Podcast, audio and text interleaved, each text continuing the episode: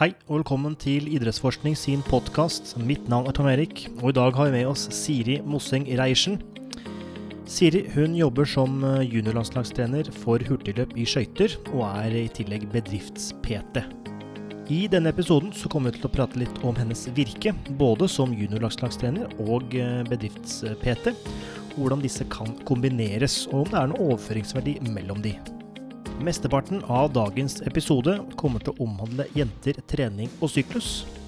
Dette er noe Siri er svært opptatt av, eh, og der skal vi prate om dette med menstruasjonssyklus i sammenheng med trening og dette med prestasjon. Er det slik at menstruasjon kun er negativt, eller kan det være noe positivt å hente ut ifra en slik eh, syklus? Og med det så ønsker jeg deg en god lytting. Velkommen, Siri, til vår podkast. Er alt bra med deg? Tusen takk. Ja, alt er veldig bra med meg. Supert. Um, du har jo blitt uh, headhunta nærmest av uh, våre følgere, og blitt anbefalt uh, på det sterkeste som gjest. Så um, det setter vi utrolig pris på uh, av den følgeren som har gjort det. Ja, det er jo veldig hyggelig. Det er kjempepris på. Absolutt, absolutt. Eh, du jobber som eh, juniorlandslagstrener for hurtigløp i skøyter og er bedrifts-PT. Um, og samtidig så var du også videregående, nei, ungdomsskolelærer på Vang, stemmer ikke det? Ja, det stemmer. Riktig, riktig. Så sånn i tradisjonstro så ønsker vi å bli litt kjent med deg og din virksomhet. Så om du kan fortelle litt om deg sjøl med tanke på utdanning og jobb? Det kan jeg. Jeg har en eh, mastergrad i idrettsvitenskap, eller jeg valgte da fysiologisk retning, som jeg var ferdig med i 2013. Ehm, og da også en bachelorgrad i idrett på Universitetet i Agder. Jeg skrev min mastergrad om eh, oksygenopptak på barn, egentlig. Ehm, planen var egentlig å skrive i forhold til skøyter, men eh, ting var litt vanskelig, og det måtte endres litt på underveis. Så da ble det en spennende oppgave i forhold til eh, oksygenopptak på barn, og hvordan man skal definere det. Ja. Um, og så uh, har jeg også en uh, PPU-utdanning fra samme skole. Uh, går nå på topptrener 2-utdanning på NTNU. Begynte nå i høst. veldig, veldig spennende, og det gleder jeg meg til. Mm. utdanning. Um, begynte å jobbe som personlig trener på et treningssenter i Arendal. Og eh, tok etter hvert over som senterleder på samme senter, der jeg var treningsfaglig og sportslig ansvarlig og antidopingansvarlig. Eh, via dette treningssenteret så kom jeg da inn på Øystad elite herrehåndball, eh, hvor jeg hadde hovedansvar for den fysiske treninga fordi sesongen 2015-2016, og fikk da lov å være med på gull i, eh, i, serien og i sluttspillet. Så det var spennende. Riktig. Ja. ja. Mm, Flytta til Oslo og begynte å jobbe som lærer på ungdomsskole der. Eh, samtidig som jeg var trener i Asker skøyteklubb. Og eh, det var via her at jeg da Altså, jeg har alltid hatt lyst til å gi noe tilbake igjen til skøytene som har gitt meg så utrolig mye når jeg var utøver. Og det var veldig mm. givende da å få lov å komme inn der som trener og bidra til utvikling på unge, spennende utøvere, da. Mm, mm, mm. Eh, etter dette så begynte jeg å jobbe i idrettslaget Heming som hovedtrener i basis. Og jobba der i tre år med hovedansvaret for alt av treninger, det sportslige og prosjektansvar i forhold til allsidighet og fleridrett. da. Og hadde da barn mellom 4 og 13 år i hovedsak, hvor vi hadde fokus på allidrett og basis og lek er veldig opptatt av lek. Ja, riktig. Ja. Og så uh, eh, starta jeg på trenerløftet på Olympiatoppen uh, eh, 2019. Og det var via det her at jeg da uh, fikk god kontakt inn i forbundet og ble ønska som landslagstrener der. Og har vært der siden, og det er jo noe av det aller, aller gøyeste jeg gjør. Det er veldig utfordrende, men samtidig ekstremt givende å kunne hjelpe fremadstormende juniorløpere opp og frem. Mm. Eh, kan man nesten si at noe av fellesnevneren her er at du liker å jobbe med unge, unge personer og utvikle de? Ja, det vil jeg absolutt si. Det er ekstremt givende å se en utvikling i unge utøvere, uavhengig av idrettsgren for så vidt, men selvfølgelig spesielt på skøyter. Men den er utvikla, og man kan bidra med så mye for å gjøre treningshverdagen deres god, da. Det gir meg veldig. Mm. Og du hadde utøvere, øh, husker jeg ikke helt jobben, men du hadde utøvere fra 4 til 13 i Heming, var det det? Det stemmer. 4 til 13, da tenker jeg wow, det er jo øh, fire år. Det, det, det, høres tidlig ut. Ja, det er veldig tidlig, men det er jo det man øh, før kalte allidrett, da. Og idretts, idrettsskole er det vel mange som kaller det, kanskje? Ja. Altså der har man et, eh, på en måte et allsidig eh, mm. fokus for å utvikle ja, koordinative, fysiske, psykiske, sosiale eh, ferdigheter, antar jeg? Ja, helt riktig. Så grunnleggende basistrening med fokus på lek. Mm, mm. Eh, lyst til å gå litt tilbake til Jeg syns det var litt interessant, eh, dette, den bacheloren din mm. eh, på O2 oksygenopptak, og hvordan det defineres. Hva, hva legger du i det, og hva fant du ut der? Ja, skal vi se om jeg husker det, da. Men eh, eh, det var Altså, man definerer jo oksygenopptak i dag i forhold til kroppsvekt per kilo kroppsvekt. Så det var eh, da på barn når man skal ta bort kroppsvekt fordi at kroppssammensetninga på barn er jo annerledes enn den er på voksne i forhold til fettmasse versus eh, fettfri masse, altså muskler. Ja, riktig. Mm. Ja, Så du får en, på en måte en overestimert i Atomax når kroppen er såpass lett. Mm. Og at det kanskje må scales, var det det du fant ut av? Ja, det må scales i forhold til muskler og fett og kroppsvekt. Mm. Ok. Did you have a question? Uh, yeah. Whoa. Um, just wondered about your own your own um history as an athlete in terms of you talked about your job and education is your own experience uh, would you consider yourself as being a former elite uterva top top uterva um, how does that kind of contribute to what you do now um, jeg var nok ingen topputøver. Jeg var i norgestoppen på skøyter, men jeg tok utdanning samtidig. Uh, og hadde stor nytte av å ha noe annet å gjøre samtidig. Jeg eh, har vært heldig og fått lov å trene med landslaget ved et par anledninger. Eh, vært eh, deltaker på junior World Cup. Men eliteutøver tør jeg vel ikke helt å kalle meg. Jeg var rett under, har jeg lyst til å si. Mm.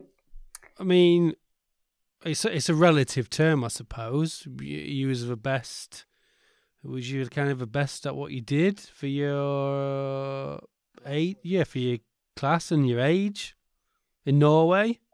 Yeah, I was like Nei, eh, norsk. Eh, jeg var, eh, jeg var topp fem i Norge på sprintdistansene eh, på skøyter. Og jeg brukte jo all min fritid på trening og prestasjon og for å bli bedre. Det var eh, trening, spise, sove og så litt skole i tillegg. Så det gikk jo mye tid men jeg har aldri angra på at jeg la ned den tida jeg gjorde, og det eh, har jo lært meg mye som jeg bruker i dag, både som trener, men også i livet generelt, da. Så ja, det, man, man, skal vel si at man var god, eh, men eh, Kanskje hadde han blitt enda bedre hvis man ikke hadde gått på skole samtidig, men samtidig så var jeg ikke helt på det nivået at, at jeg kunne legge bort skole helt. Jeg måtte, måtte gjøre noe ved sida, og det hadde huet mitt også godt av, da. Okay. So you're obviously been what I have now experienced in Norway is typically Norwegian in terms of being very, very modest and humble, which is something I'm not particularly familiar with myself, as Tom keeps reminding me on a daily basis. But I would just, I'm just interested to know how, okay, you might not consider yourself like, or you don't feel comfortable saying elite, but it sounds like you've probably trained at an elite level in some way. I'd be very curious to know how much of what you do now is influenced by what you did as an athlete compared to what you've learned kind of theoretically in your education? Ja, um, det viktigste for meg som trener i forhold til hva jeg lærte som utøver, det er at jeg på en måte jeg kan forstå situasjonen til disse juniorløperne og de jeg har i klubb, med det å gå på skole samtidig. Uh, jeg ønsker å være den treneren jeg sjøl savna når jeg gikk aktivt sjøl. Eh, og så eh, har jeg jo lyst til at disse løperne mine ikke gjør de feila jeg gjorde. Um, men aller helst er det med å være den treneren jeg savna litt, da. Og jeg er veldig opptatt av å se hele mennesket, og ikke bare resultatene, men også mennesket bak resultatene. For det er mennesker vi trener, og det er veldig viktig å huske på. Skøyter er en, veldig, en idrett som er veldig resultatfokusert og veldig lett å se resultatet. Altså, du får tid med en gang du krysser målstreken, så vet du hvor fort du gikk, og du vet hvor fort de andre gikk. Mm, Men det der å mm. huske på at man, man har med et menneske å gjøre, og det er mange ting som spiller inn, handler ikke bare om hva du trente i går og hva du spiste i dag, men det er så mye som påvirker kanskje spesielt yngre løpere i forhold til resultat. Og det å kunne lære de seg selv å kjenne, bli selvstendig og takle utfordringer og motgang, det er veldig viktig for meg. Eh, motgang hadde jeg mye av sjøl. Og... Men hvordan er det du får til det med dine utøvere? Oi, godt spørsmål. Um, Jeg prøver å bli godt kjent med dem. Mm. Skape en relasjon? Være, ja. Skape en god relasjon. Det er viktig for meg. Å være veldig ærlig med, med, meg selv, eller hvem jeg er som trener. Hva jeg ser på etter, og etter uh, ser etter i forhold til kvaliteter på løperne. Um, og at jeg prøver jo ikke å snakke for mye om min egen karriere, men at jeg kan relatere til ulike situasjoner og Eh, medgang og motgang. Eh, men det viktigste er den relasjonen, å lære de å kjenne. Altså, noen løpere eh, tåler veldig godt at man ser på hele mennesket, og hva gjorde du i går, og hva er det som påvirker deg i hverdagen og sånne ting. Så er jeg også løpere som på en måte ikke er så opptatt av det. Og da må selvfølgelig jeg modifisere meg litt, og også klare å tenke resultat. Og vi har jo med på juniorlaget er det jo det er jo topputøvere, og det er toppidrett vi skal drive med. Så det er viktig å ikke bli for opphengt i personen også, men, men, eh, jeg tror eh, det er veldig viktig at vi passer på at vi utvikler gode mennesker samtidig som vi utvikler gode skøyteløpere. Mm. Men hva tenker du, uh, hvordan er det du skaper gode mennesker uh, ved en trener? Da, da, for meg da så tenker jeg på uh, verdigrunnlag, skape tillit, skape en Der du anerkjenner personens nedgang og oppgang og uh, slike ting. Men er det uh, andre ting uh, mer konkret som du på en måte jobber med med dine utøvere for å skape denne, eller være denne gode treneren? Hmm. Um, nå må jeg tenke godt etter hva det egentlig gjør. Um, for du, jo, du ønsker å være den treneren, du ønsker å være en slags holistisk trener. Mm. Uh, der du vil skape gode relasjoner, se hele mennesket. Uh, anerkjenne både hva de gjør utenfor banen, men også innenfor banen. Uh, og, ja, og er det da at du har ukentlig prat med disse her? Litt mer uformell prat? har du noen eksempler på La oss si hva du har gjort siste måneden, da, på hvordan du har skapt bedre relasjon, være en god trener osv.? Ja, nå har vi på juniorlaget jeg jobber jeg jo samlingsbasert, så jeg er ikke den daglige treneren deres til vanlig. Eh, og eh, det jeg da gjør nå Jeg ringer de en gang i ny og ne. Det er ikke sånn at jeg ringer de en gang i uka, eller sånt, men jeg er opptatt av å snakke med de om andre ting også. Spør åssen de har det. Jeg trenger ikke snakke med de om trening, for jeg vet at de trener veldig godt der de er. De har ekstremt gode lag alle sammen. Og eh, da er det viktig for meg å på en måte påpeke at det du gjør hjemme, det er bra. Eh, når vi da kommer på samling, så er jeg veldig opptatt av å gjøre andre ting enn det de gjør hjemme. For vi skal jo utvikle de, og er opptatt av eh, variasjon gir progresjon og motivasjon. Og da kunne tilføre de en annen trening som de kanskje ikke har like mye tid til hjemme eller bare det å vri litt på ting og utfordre kroppen på en annen måte, gjør jo at kroppen må prøve å tilpasse seg det òg, da. Og det vil jo løfte alt sammen. Eh, I tillegg så eh, er jeg veldig opptatt av lek, og at ting skal være gøy, selv om vi driver med toppidrett. Og det å kunne tilføre de litt lek inn i den vanlige treningshverdagen er viktig for meg. At uh, vi skal ha det morsomt sammen. Jeg, skal, jeg som trener skal vise meg fra flere sider, og ikke bare et uh, trenerperspektiv, men at jeg er med i leken, vi har konkurranser. Uh, og prate med dem om andre ting. Da er jeg ærlig på hva jeg er god på, og hva jeg er dårlig på. Og da tror jeg i hvert fall at det er lettere for de å være ærlig tilbake igjen til meg på ting de er fornøyd med eller misfornøyd med. Mm. Bare vise at jeg så er et menneske som uh, har gode og dårlige dager, da. Mm. Mm. Så Ja. kommunikasjon med både løperne, men også med de trenerne de har hjemme, er helt alfa og omega for at det skal fungere godt, da. Absolutt, absolutt. Du sa du var opptatt av lek og gjøre øh, Og legger du da lek som det samme som lysbetont? Hmm, nei, ikke nødvendigvis. Eh, lek kan være å ha en litt annerledes oppvarming enn eh, hva de ville hatt med å jogge rundt banen. Eh, legg, på samlinger så prøver vi å gjøre andre ting enn trening i tillegg til trening òg, da, men også andre ting. Vi har eh, tatt med laget på lasertag, vi har vært på SUP, vi, har, vi spiller ofte kubb. Eh, Ja, og sånn, legger inn ulike lekeøvelser som sagt i oppvarming, hvor de glemmer litt at de er på trening, da. Litt, eh, drar inn litt de her fireåringene inn i, inn i toppidretten. Mm. Og der er det kanskje spesielt viktig for yngre utøvere å en måte utfolde seg fysisk innad i, i en lek eller flere leker. Før vi beveger oss litt mot inn mot jobbene dine, og det har vi for så vidt prata en god del om. Eh, men så har du øh, Du er basistrener, og du har nevnt basistrening eh, ofte her nå. Og jeg syns eh, Jeg er egentlig litt usikker på hva er egentlig basistrening?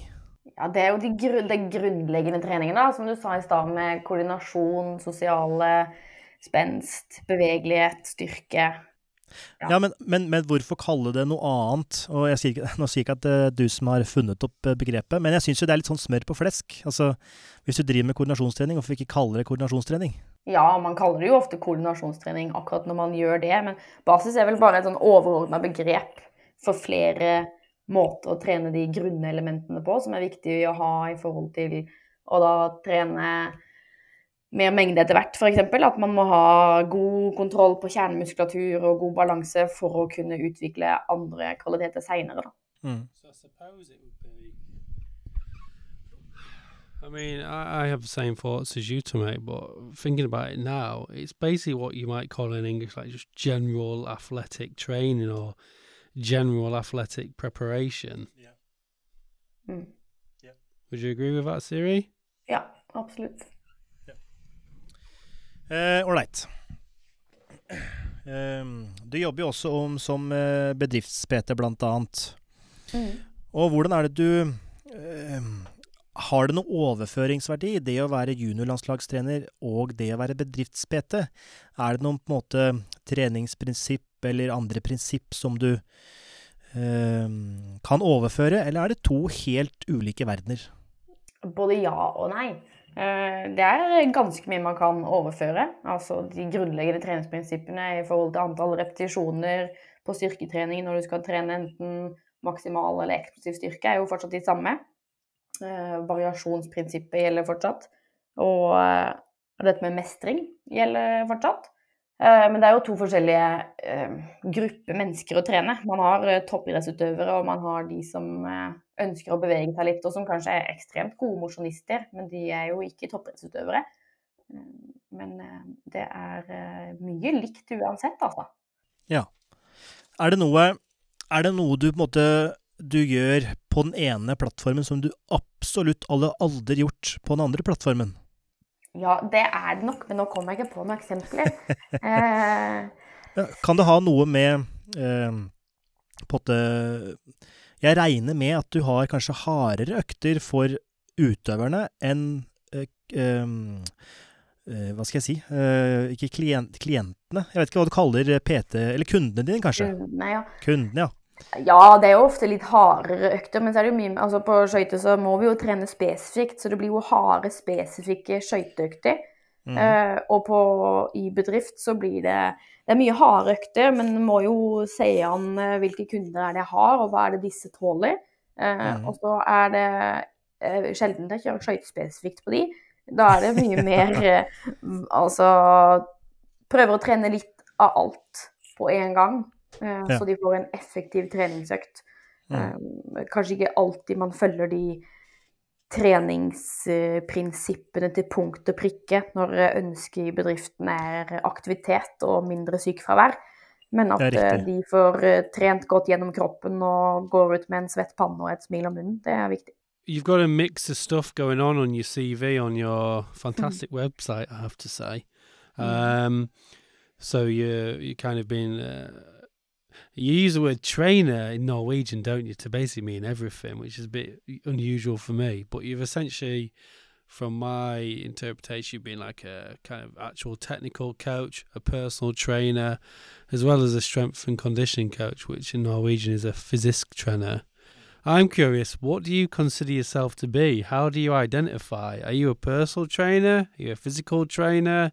Are you a coach? What if you could only have one of these job titles, what do you think most reflects your uh, experience, your abilities? What generally reflects you? How do you identify? Jeg må velge én um, Det er jo veldig stas å være juniorlandslagstrener og ha, ha den tittelen. Uh, um, men det er nok kanskje fysisk trener som jeg ville gått under. Hvis jeg må velge. Why? Why? Mm, fordi jeg gjør, kan mye om fysisk trening, eh, og gjør mer enn eh, bare, bare skøytetrening på juniorlandslaget. Og for å bli gode idrettsutøvere så må man trene mye fysisk. Eh, men det er veldig vanskelig å velge en av de.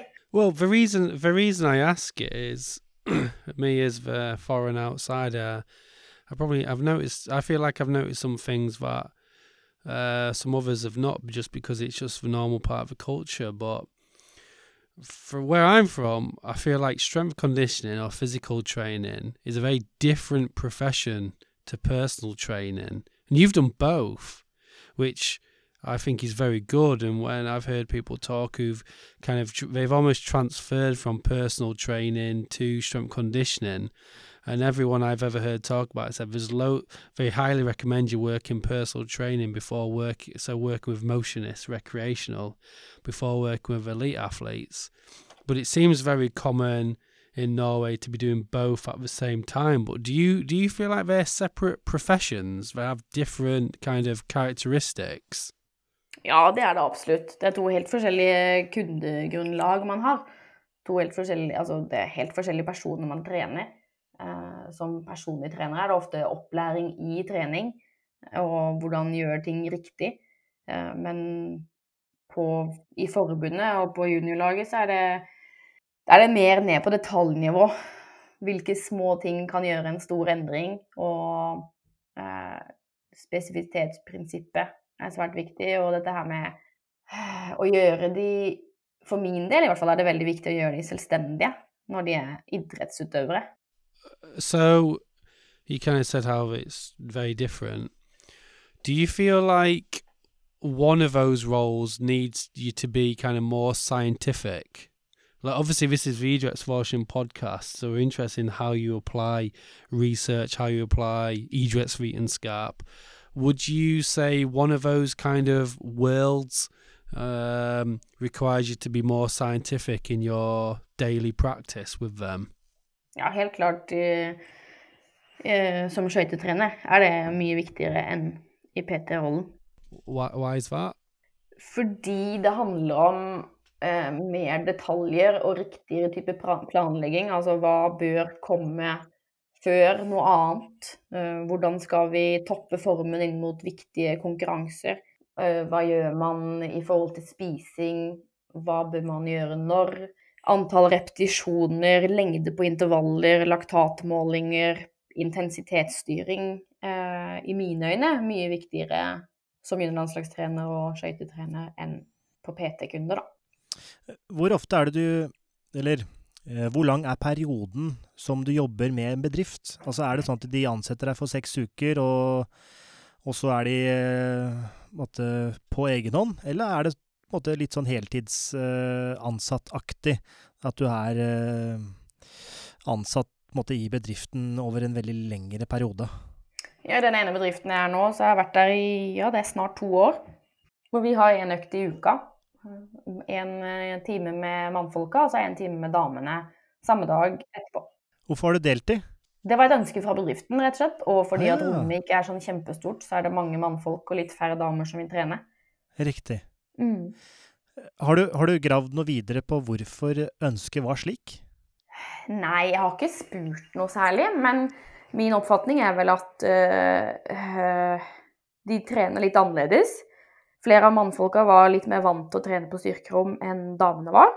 Og at damene hadde behov for en litt mer eh, tryggere grunn, og litt, eh, litt hyggeligere, da. Mens mannfolka gjerne vil bli pusha litt, og der er det høyt konkurranseinstinkt, og de pusher hverandre, og de Ja.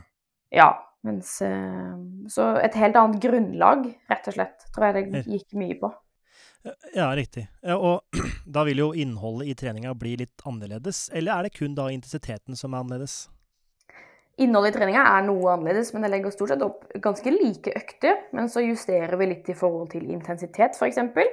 Ja. Og øh, øh, lyster og preferanser hos kunden i forhold til bruk av vektstang, eller vi bruker kettlebell, hantler, Mm. eh, mer løping, mindre løping. Det er jo også å ta hensyn til ulike skader, og det er alltid individuell tilpassing der også. Og har i løpet av disse to årene, det blir kanskje et vanskelig spørsmål, men har sykefraværet gått ned? Jeg har ikke sånn kjempeoversikt over sykefraværet, men eh, mestringa og humøret, eh, i hvert fall det jeg ser på styrkerommet, er eh, helt sinnssykt bra. De eh, elsker det her, og de har vel sagt det til han sjefen at dette her er det beste tiltaket du har gjort på jobb eh, noen gang. De har, en, eh, de har noe som heter frydefull jobb, så de er opptatt av at de ansatte skal ha det, skal ha det bra på jobb. Og trives med det de gjør, og det å da legge inn treningsøkter, som de har sagt, det er helt alfa og omega for at de skal trives enda bedre på jobb og føle at eh, ledelsen ønsker de vel, da. Det er jo eh, Og det er jo helt klart, altså I hvert fall slik jeg oppfatter dine beskrivelser, så eh, vil jeg jo tro at eh, det har hatt en positiv effekt. Og du, fortsatt, eh, du er fortsatt ansatt der, så Mm. jeg vil jo tro at eh, eh, skal, Hvis jeg skal gjette, så vil jeg jo tro at sykefraværet har gått ned eh, enn opp, i hvert fall. Ja, det Eh, håper jeg. Ja. Fint. Jeg tenker vi beveger oss videre til eh, dette med jenter, trening og syklus. eh, Som er noe av ditt eh, fokuspunkt inne på, eh, inne på nettsida di. Mm. Og Hva er det du legger i jenter, trening og syklus? Hva er dette for noe? Det går jo på menstruasjonssyklus, da, og hvordan vi kan eh, Altså for det første så er det viktig at det blir snakka om. Og at eh, jenter begynner å forstå seg sjøl enda bedre i forhold til eh, hvordan hormoner påvirker kroppen, og hvordan da eventuelt kan påvirke prestasjon og trening. Så eh, for det første er det viktig at eh, de begynner å forstå seg selv, og da må de tracke syklus. Eh, bli kjent med sine egne symptomer i forhold til hvordan kroppen reagerer i de ulike ukene og de ulike fasene. Um, og da også kunne bruke det til sin fordel. At ikke det blir sånn herk, faen, nå fikk jeg mensen igjen. Eh, men at man kan heller tenke at ok, men da vet jeg at da fungerer kroppen min på denne måten. Da hjelper det hvis jeg får i meg ekstra med karbohydrater, eller denne perioden må jeg passe på å sove litt ekstra. Og det her vil jo variere fra måned til måned, men også fra jente til jente. Men derfor er det så viktig at vi blir bedre kjent med oss selv, da. Men hvor lenge er en menstruasjonssyklus? En syklus eh, er jo stort sett ca. en måned, men igjen det vil variere fra jente til jente og kanskje måned til måned. Men de sier jo at snittet er 28 dager. Og da har man blødning alt fra tre til sju dager, avhenger av Ah, ok, tre, ok, greit, riktig. Så, Mm. Men du snakket om ulike sykluser i denne menstruasjonssyklusen. Ja, vi deler ofte inn i fire forskjellige uker. Uke én, to, tre, fire. Altså, man starter uke én eh, starter med første blødningsdag og varer i ca. syv dager. Igjen har du 35 dagers uh, syklus, så vil det selvfølgelig være en annen inndeling. Eh, egg, eggløsning på dag 14, og da varer det fram igjen til siste dag før første blødningsdag igjen.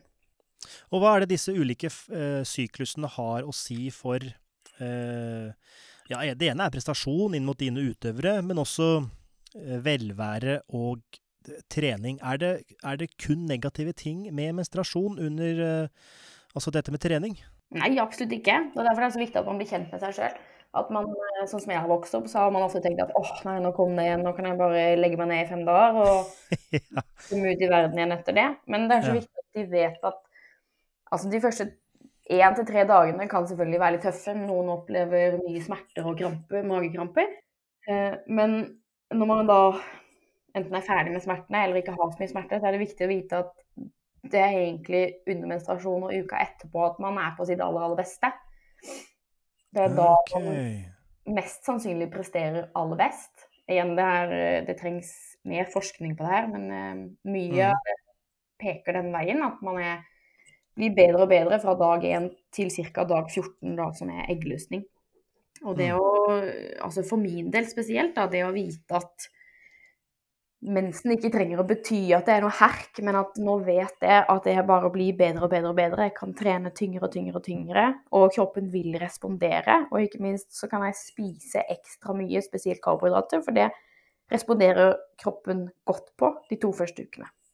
Ok. Hva, hva legger du godt på å respondere godt? Hva, vil du, hva legger du det? Kroppen har godt av litt ekstra karbohydrater de to første ukene i forhold til forbrenning. Og når man, når man, eller hvis man trener hardere i de to første ukene, så er det også viktig at man spiser litt ekstra.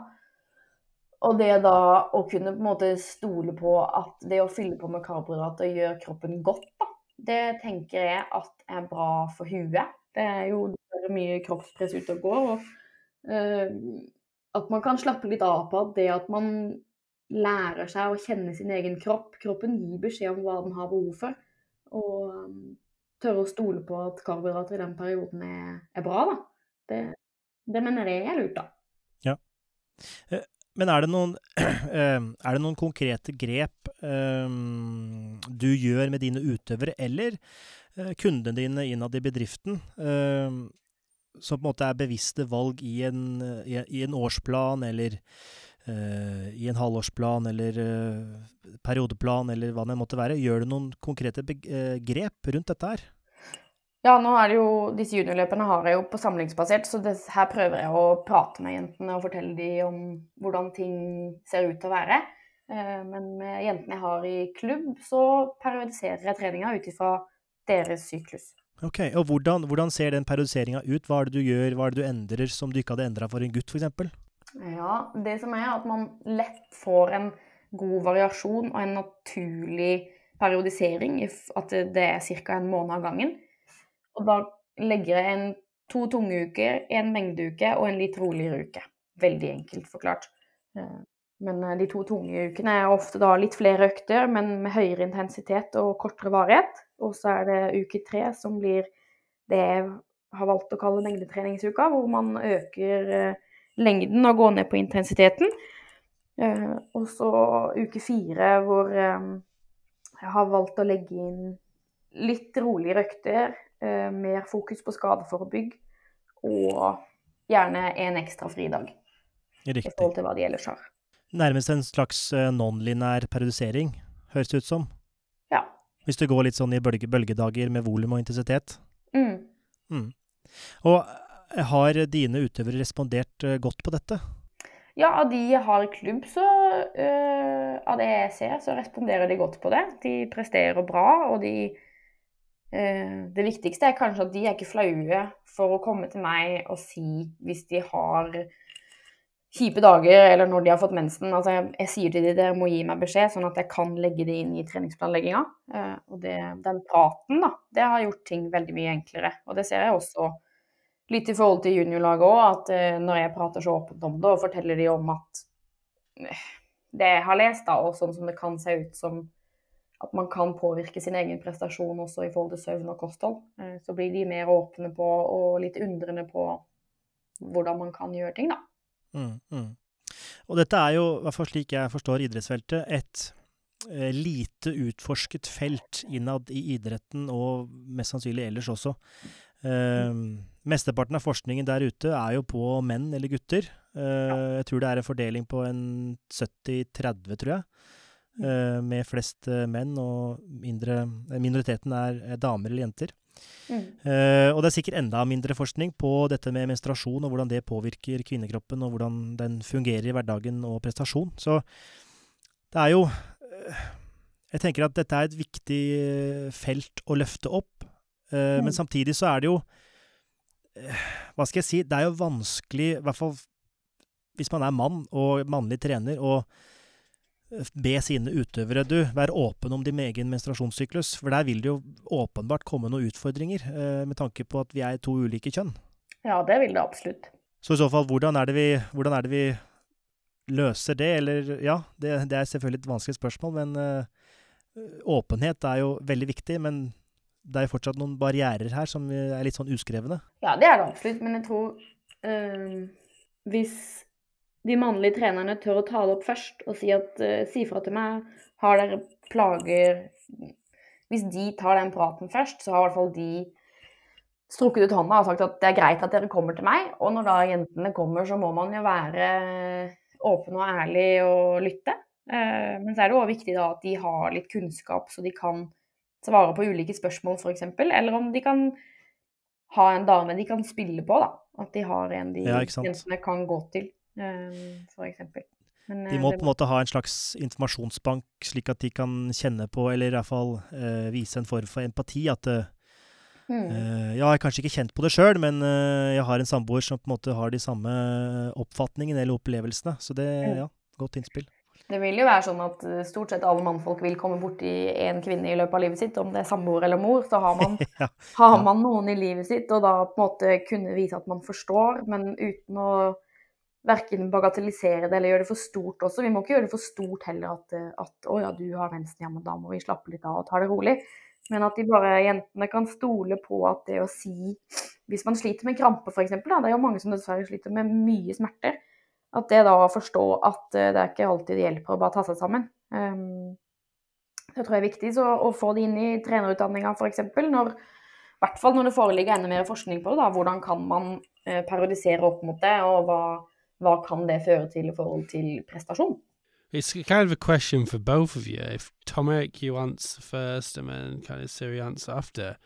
So do you feel like some of these applied contexts in which it sounds like Siri deals with quite often, for example, uh, menstruation, female athlete triad, the kind of specific biological, um, I don't want to say issues, but the, the biology that's specific to female athletes you feel that that's just one example of these very applied topics that is perhaps missing for lots of people's higher education. Is that what you think, Tom Eric? Ja, absolutt. Jeg syns at uh, dette med menstruasjon er uh, Det er jo en eh, hva skal jeg si, kroppslig funksjon hos et av kjønnene, uh, og som burde Vi må lære mer om det, fordi stort sett så lærer vi om de tingene som er likt ved kvinner og menn. Uh, og selvfølgelig, vi lærer om testosteron, og at det er litt ulikt, og at muskelmassen er ulik uh, i forhold til mengde og den slags. Men disse mer menstruasjonssyklus, trening under graviditet Ja, jeg føler at det, det, trenger eh, å komme inn i et slags pensum på eh, idrettsutdanningene på en eller annen måte. At eh, det kanskje ikke blir et eget emne, men at det blir en del av et emne. At det blir et, en tematikk når man f.eks. lager en bok som idretts, eh, idretts eh, eh, idrettens treningslære, f.eks., som jeg bruker på pensum på førsteåret. At det blir en et kapittel der som heter 'En kvinnelig utøver'. Og når du nevner det, så er jeg litt usikker på Kanskje det fins et uh, sånt kapittel i den boka der, når jeg først uh, tenker på det. Men jeg vet ikke hva du syns uh, først, Siri? Det hadde vært veldig spennende hvis det kom litt inn i pensum. I hvert fall når man nå begynner å vite mer og mer. Det er jo viktig å si at det trengs mye mer forskning på det her. Men av det jeg har lest, så er det dette jeg ser, da. Og det som på en måte plaga meg litt som utøver, det var at jeg som jente alltid skulle gå litt mindre og trene litt mindre enn gutta. Hvorfor skulle jeg det? Eh, når jeg egentlig følte meg innmari bra. Og guttene skal jo òg periodisere sin trening. Og på en måte det å vite Jeg skulle ønske at jeg visste mye av det jeg vet i dag på den tida. Jeg var ofte min egen trener også. Eh, men eh, at man i ulike faser av syklus faktisk kan trene mer, og man restituerer fortere eh, enn hva guttene gjør innimellom. Det tenker jeg at det er vesentlig å vite, da. Um, at man uh, ikke bare Ja, du er jente, da trener du litt mindre. Tenker jeg er viktig. Skal vi se, Nå skal vi bare kikke Nå, nå har vi faktisk boka foran oss. Nå skal vi bare kikke her. Lukk under innholdsfortegnelse. Wow! It is.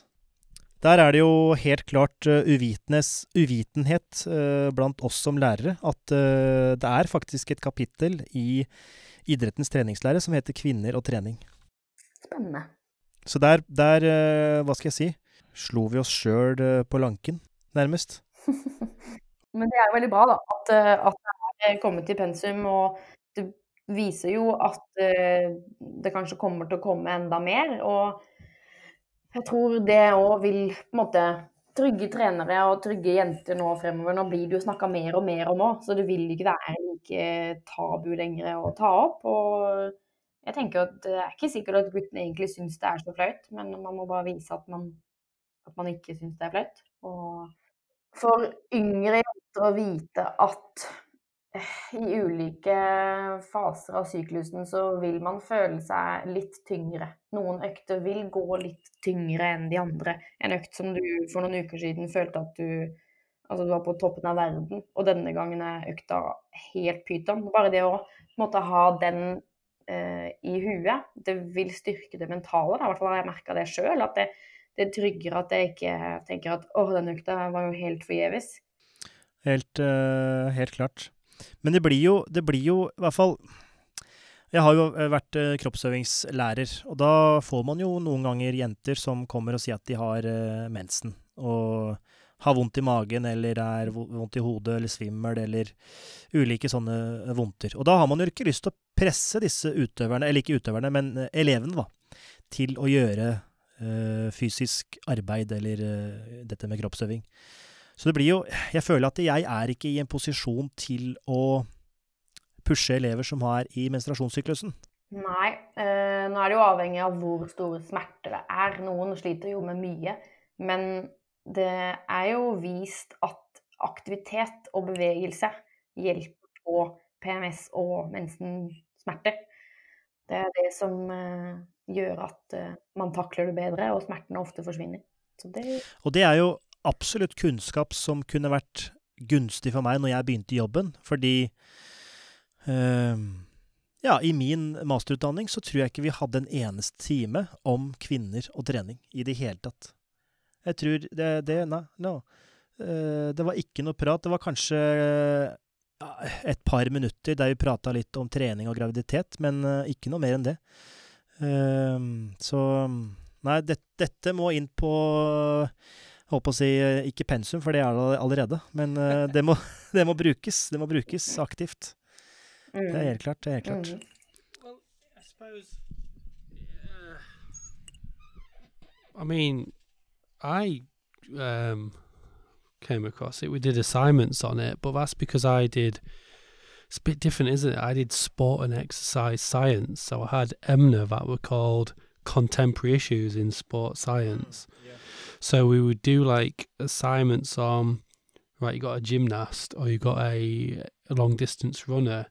We talk about the multiple, um, the multiple parts of the female athlete triad, the three parts, and so how um, it's all to do with uh, energy availability and how one part of the triad is eating disorder and how that if you don't eat enough, you've got low energy availability. That affects your um, bone health. It affects your menstrual cycle. They're all interrelated.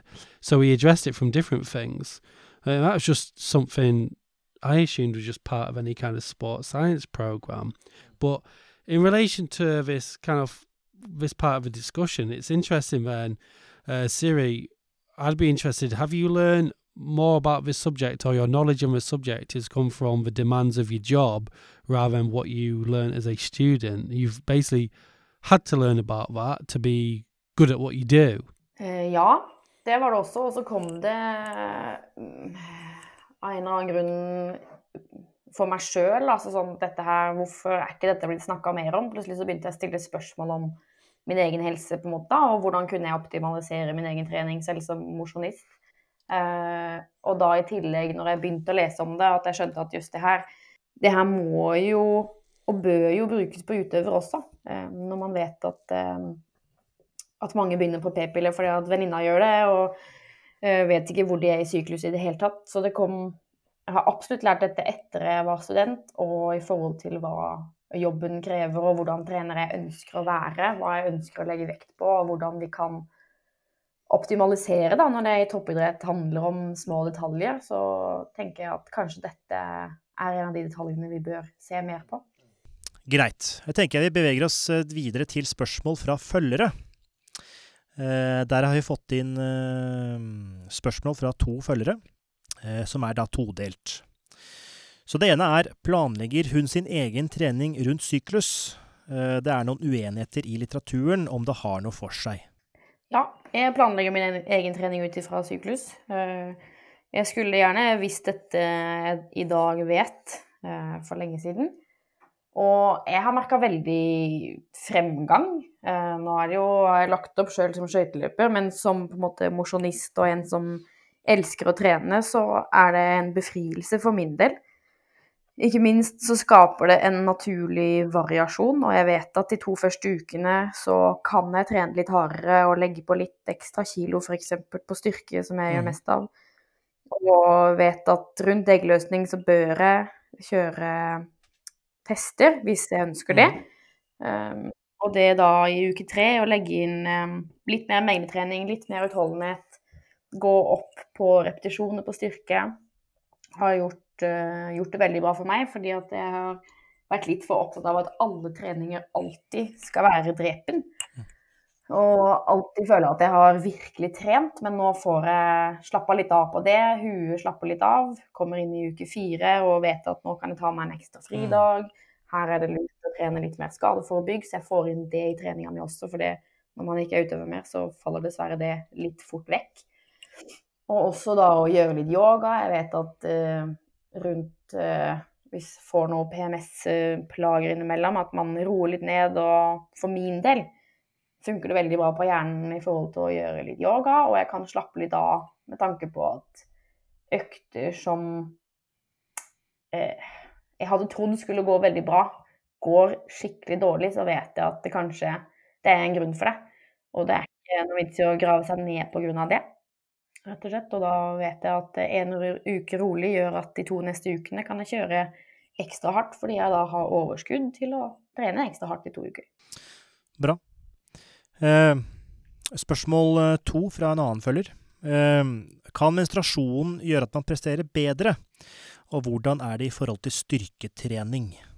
Ja, det jeg har lest, så ser det ut som menstruasjonen gjør at man kan prestere bedre. Eh, noen sliter med plager de første dagene, mens eh, når man eh, kommer litt ut i uke én og to, så, så ser det ut som i forhold til hormoner at vi presterer bedre og bedre, og at vi er på topp rundt eggløsning dagen før og dagen etter omtrent. Og da har vi også økte nivået av testosteron, da. Og da Ja, så det er viktig å huske på at menstruasjon ikke trenger å være noe herk. Riktig. Men prestasjon, altså presterer man bedre på alt, eller er det enkelte parametere man eh, øker mer av? Altså får man bedre utholdenhet, men kanskje ikke så mye styrke, eller omvendt? Eh, Her må jeg i hvert fall si at her trengs det mer forskning. Ja. Eh, Men av det jeg har lest og på en måte prøvd på meg sjøl, så opplever jeg at jeg er sterkere. Spesielt nå trener jeg mest styrke. Mm. Men eh, jeg kjører ofte tester rundt eggløsning f.eks. og kjører tunge vekter de to første ukene. Det, jeg ser helt klart forskjell på når jeg trener tung styrketrening og, og ikke. Eh, Mm. Og eh, løpinga mi òg føles mye lettere ut. Det er vel, jeg hørte vel nå sist at eh, det er ikke vist noe forskjell i VO2 maks på tester eh, i ulike ukene, men man kan føle seg bedre. Da. Man, kroppen kan føles lettere, og det kan være lettere å gjennomføre utholdenhetstrening f.eks., men VO2 maks er det samme. Ja. ja.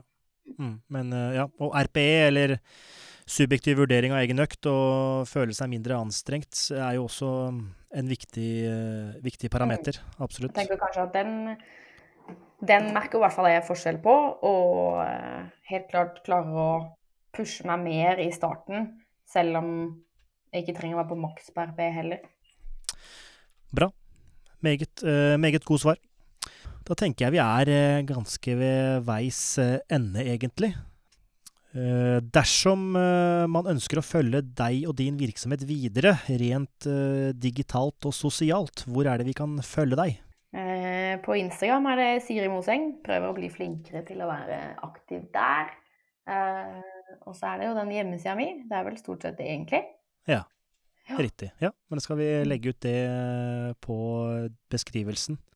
Den er god. Da vil jeg takke for at eh, du tok deg tid til å snakke med oss om et eh, viktig tema, eller flere viktige tema, faktisk. Så takk for det. Bare hyggelig. Det var det for denne gang. Takk for at du hørte på, og vi høres om litt.